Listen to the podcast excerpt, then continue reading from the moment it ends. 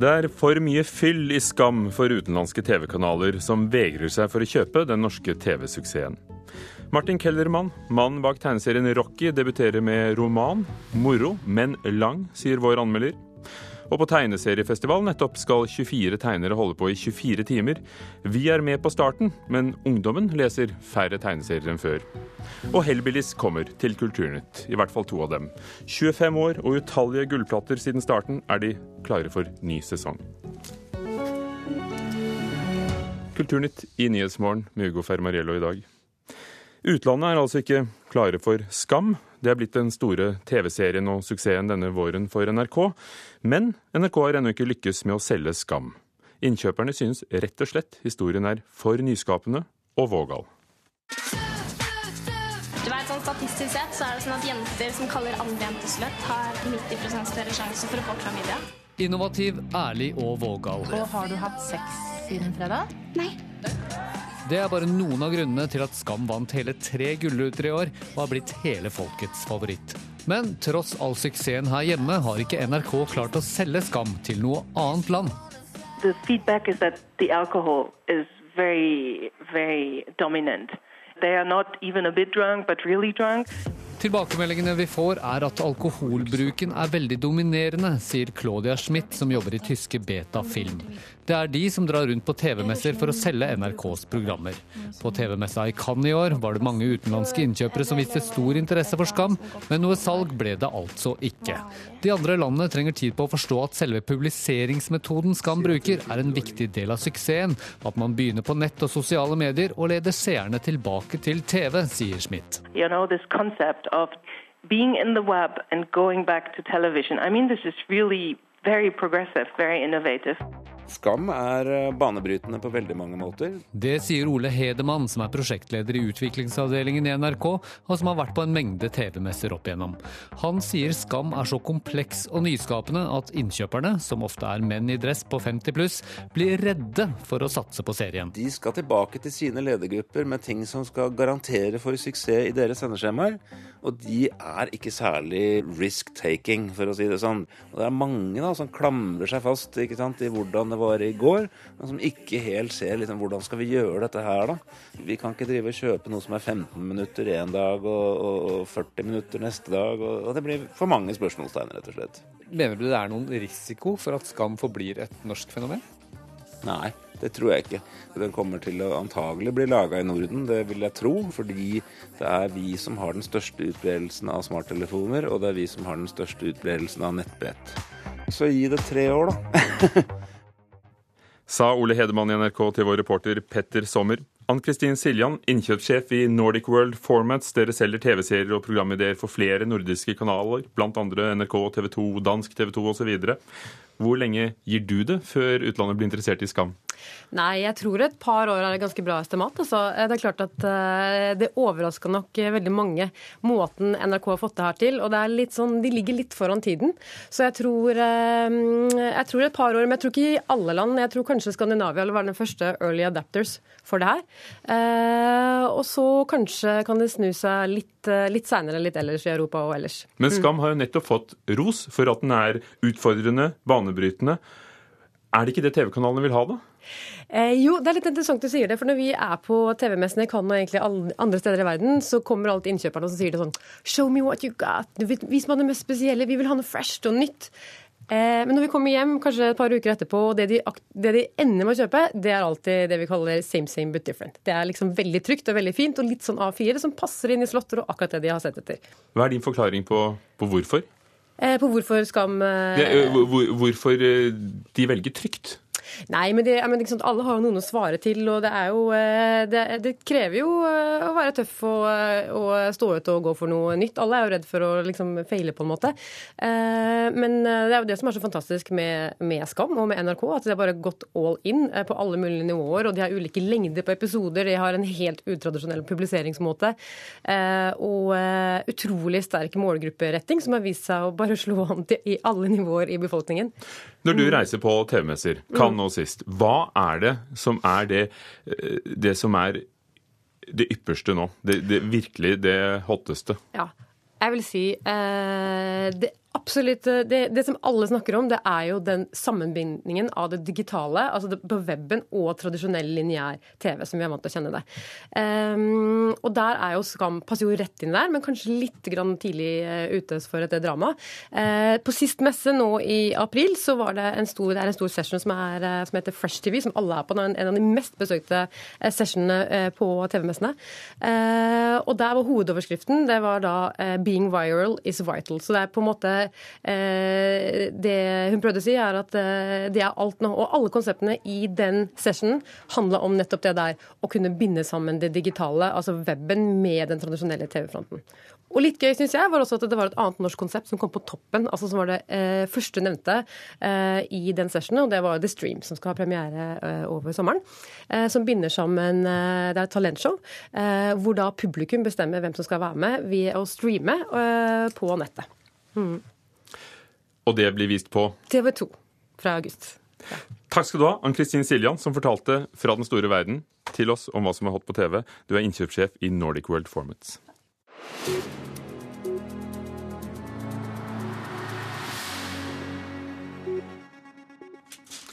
Et tema i Kulturnyhetene denne uken og forrige uke har vært eh, at Kulturrådets makt skal spres ut over landet. Og nå kan det bli virkelighet. Reporter Marte Halser.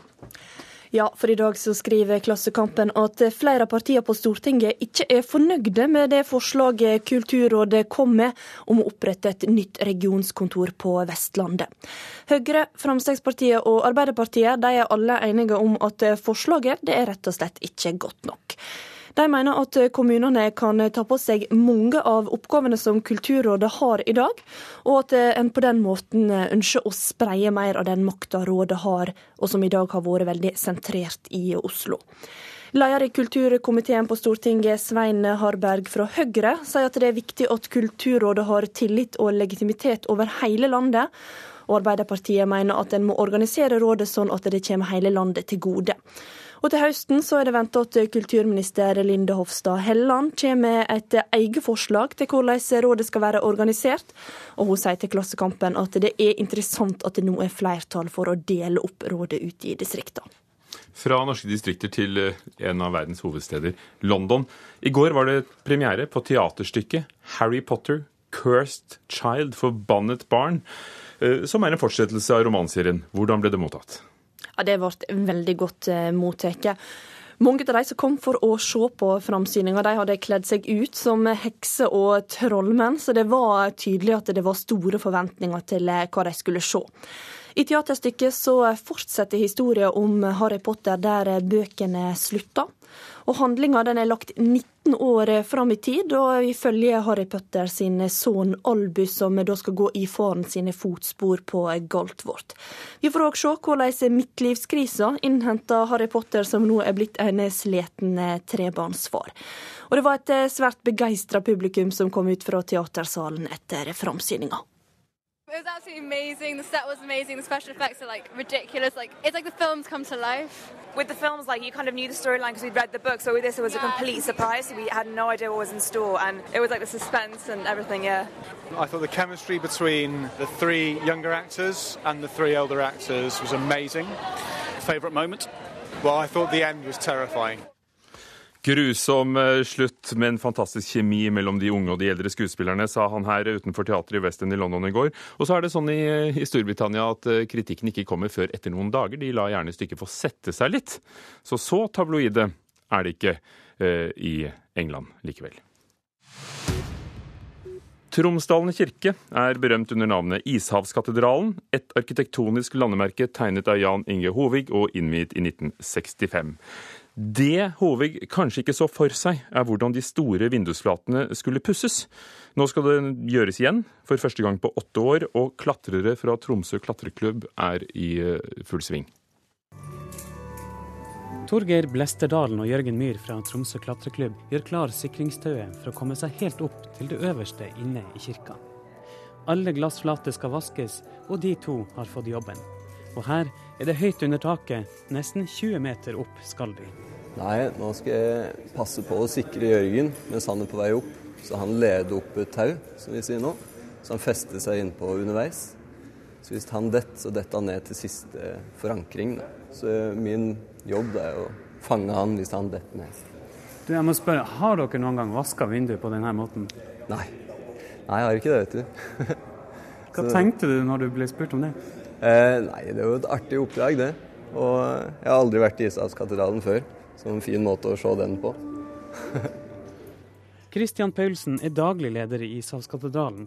Han sier at det ikke var mulig å gjøre porten høy og døra vid nok til at de kunne få inn en lift. Dermed er den eneste muligheten for vindusvask i kirka på den akrobatiske måten. Nei, her er det klatring som gjelder akkurat nå. Vi burde ha en salme for det også, men jeg tror ikke vi har det. men de får jo litt av noen arbeidsforhold. Her er det musikk i bakgrunnen, og kirka er jo åpen? Kirka er jo åpen nå hver dag fra ni på morgenen til sju på kvelden. Det er fullt av turister innom, det foregår konserter og masse øvelser og sånn. Så eh, det er en sakral stemning til vindusvasken. De har ikke vært vaska på åtte år. Det er kanskje på tide? Det er på tide. Eh, kirka ble jo totalrenovert for, eh, for åtte år siden, og vinduene ble bytta ut. Siden da så har vi ikke vaska dem. Jeg, hadde ikke tort å gå opp dit alene. Jeg er glad det er klatrere med høydeerfaring som gjør det her. Kirka er åpen, og her er et tjuetalls turister. Men få, om noen, har lagt merke til klatreren som er på vei opp for å vaske. Kom og se. Kom og se. Ja, du må komme og se på de som klatrer her. Du klarer jo ikke å se det, men det står altså en kar helt oppe øverst her. For han skal vaske vinduene. Der står han. Oi, mamma mia. Det så du ikke? Nei. Nei, det var uh, gøy, det her. det er veldig fint, å, veldig fint å klatre opp på de bære, bærebjelkene. Jeg klatra mye ellers og mye klatrekurs og diverse, men lite, lite som det her. Lite kirke, i hvert fall. Mm. Reporter i Isakskatedralen, Eskil Meren. Klokken er kvart over åtte, du hører på Nyhetsmorgen i NRK. Bernie Sanders trekker seg ikke som demokratenes presidentkandidat i USA, til tross for at Hillary Clinton i natt innkasserte seieren i Det demokratiske partiets nominasjonsvalg. Next Tuesday, we continue the fight in the last primary in Washington, D.C. Norske politihelikoptre er mer på verksted enn i luften. 22.07-kommisjonen anbefalte å forbedre helikoptertjenesten, men det hender at begge politiets helikoptre er ute av drift samtidig. Det er hovedsaker i Nyhetsmorgen i dag, og her i Kulturnytt skal vi til eh, noe som skjer for tredje år på rad, nemlig tegneseriefestivalen Oslo Comics Expo, for det heter det på engelsk. Og der har serieskapere fått en utfordring. De skal lage en 24-siders serie på 24 timer. Ett døgn. Og så er det da passende nok 24 frivillige som har tatt utfordringen, og det begynte nå klokken åtte. Reporter Kaja Figenschou på Deichmanske biblioteks filial på Grünerløkka i Oslo. Har de begynt å tegne seg ut noen ideer allerede? Her har de begynt å streke opp på blanke ark. og det er litt sånn Jeg føler på eksamensstemningen her. Sitter her på langbord på begge sider. Og jeg sitter sammen med Anja Dale Øverby. Og har du begynt? Ja, så vidt. Tegna et par streker. Hva er det som er planen din? Jeg skal lage en tegneserie om en eh, krimsak fra 80-tallet, som veldig få har hørt om. Mm. Kan du røpe hvilken krimsak det er, i tilfelle noen har hørt om den? Mm, jeg kan si at ingen har hørt om den. Den er fra en liten bygd, men eh, jeg vil ikke røpe noe ennå. Røpe noe. Hvordan lader man opp til en sånn maraton som dette er? Jeg prøver å sove godt, da. Og så ha ideen klar. I hvert fall for min del. Og så spise sunt og drikke nok kaffe. Ja, for Du sa du har små barn, sånn at det å ha en våkenatt for deg Ja, det satt langt inne, altså. Eh, sønnen min er jo fire og et halvt. Det er først nå at jeg har liksom drista meg til å melde meg på. For det, det frister jo ikke. Gruer meg. Du, Tegneserier, eh, nye tall viser at det er ikke kanskje så mange barn som leser eh, tegneserier nå, sammenlignet med, med tidligere. Hva, hva tenker du om tegneseriens framtid? Altså Tegneserier har jo veldig sånn oppsving, i hvert fall blant voksne. Det er jo flere og flere voksne som, som leser det, og det har jo blitt det blir jo behandla nå på lik linje med annen litteratur, da, i anmeldelser i store aviser og sånn. Så, så, det syns jeg er veldig gøy. Så blir det da veldig spennende å se hva resultatet blir. Det er eh, ikke så strenge regler. Det er lov til å, å gå ut og trekke litt frisk luft i løpet av disse 24 timene. Men altså, i morgen så skal eh, da 24 sider være klart. Kaja, kan folk komme og se på tegnerne i aksjon? Du, Det må jeg spørre om her, det vet jeg ikke helt. Kan folk få lov til å komme hit og se på dere? Ja, de kan sikkert stikke hodet inn, det vet de faktisk ikke. Du, vi er litt usikre på akkurat det, men det er nok mulig å stikke hodet inn og kanskje få se litt på tegnerne. Men for de som har sett en eksamenssituasjon, så vil jeg si at dette ligner veldig. Og det skal jo også eh, publiseres, altså publiseres, det skal trykkes disse heftene som, eh, som skal bli ferdig, så folk kan i hvert fall få se det. Takk skal du ha, Kaja Figenschou. Og dette skjer altså på Serieteket, Deichmanske biblioteks eh, filial på Grünerløkka i Oslo. Oslo Comics Expo foregår til og med lørdag og begynner for alvor på fredag.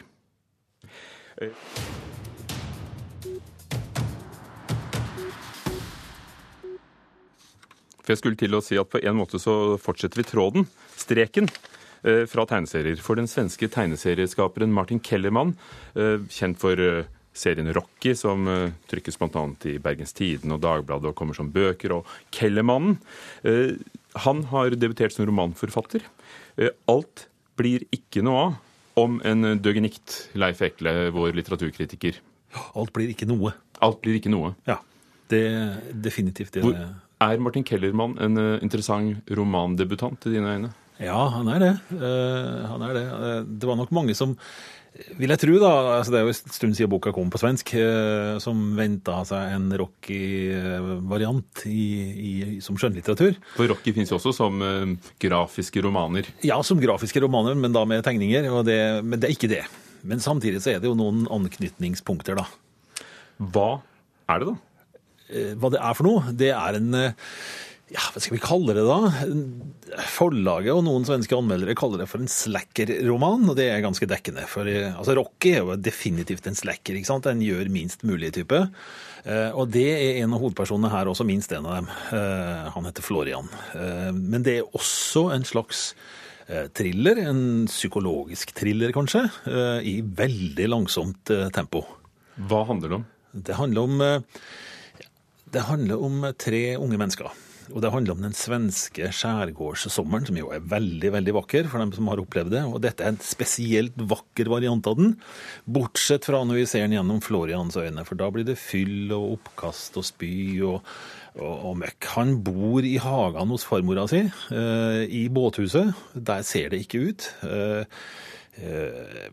Eh, eh, i, i farmoras hus har han en ganske stor hasjplantasje gående. Han håper at han skal få en 300 000-400 000 ut av det, så han kan reise på ei sydhavsøy og, og, leve livet bedre der. Han er einstøing, han er sær, han er, som du sa, døgenikt.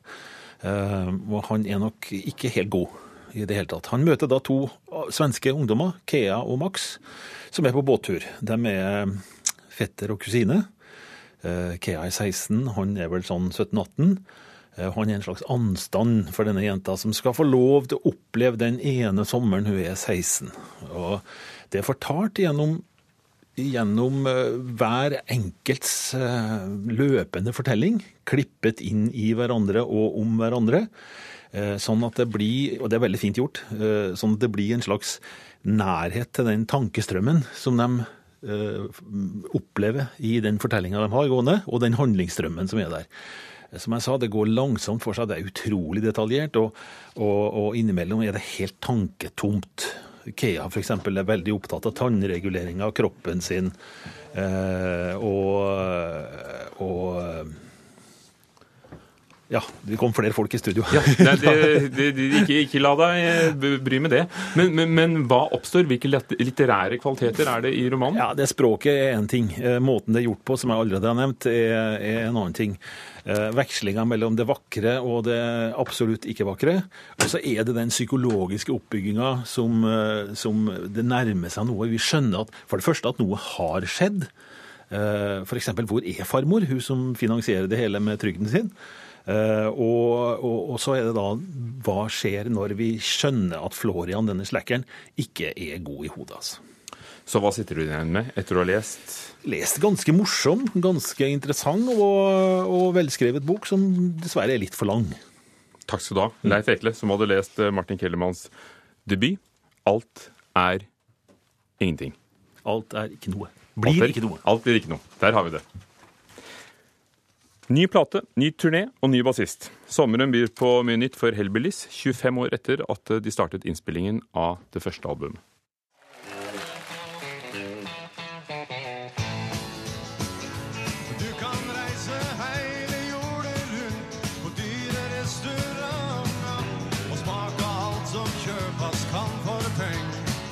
Det er eh, mulig jeg tar feil, men jeg tror dette er den første gangen det norske folk kunne se Hellbillies på TV. Høsten 1992, etter at de slapp albumet 'Sylvspente Boots'.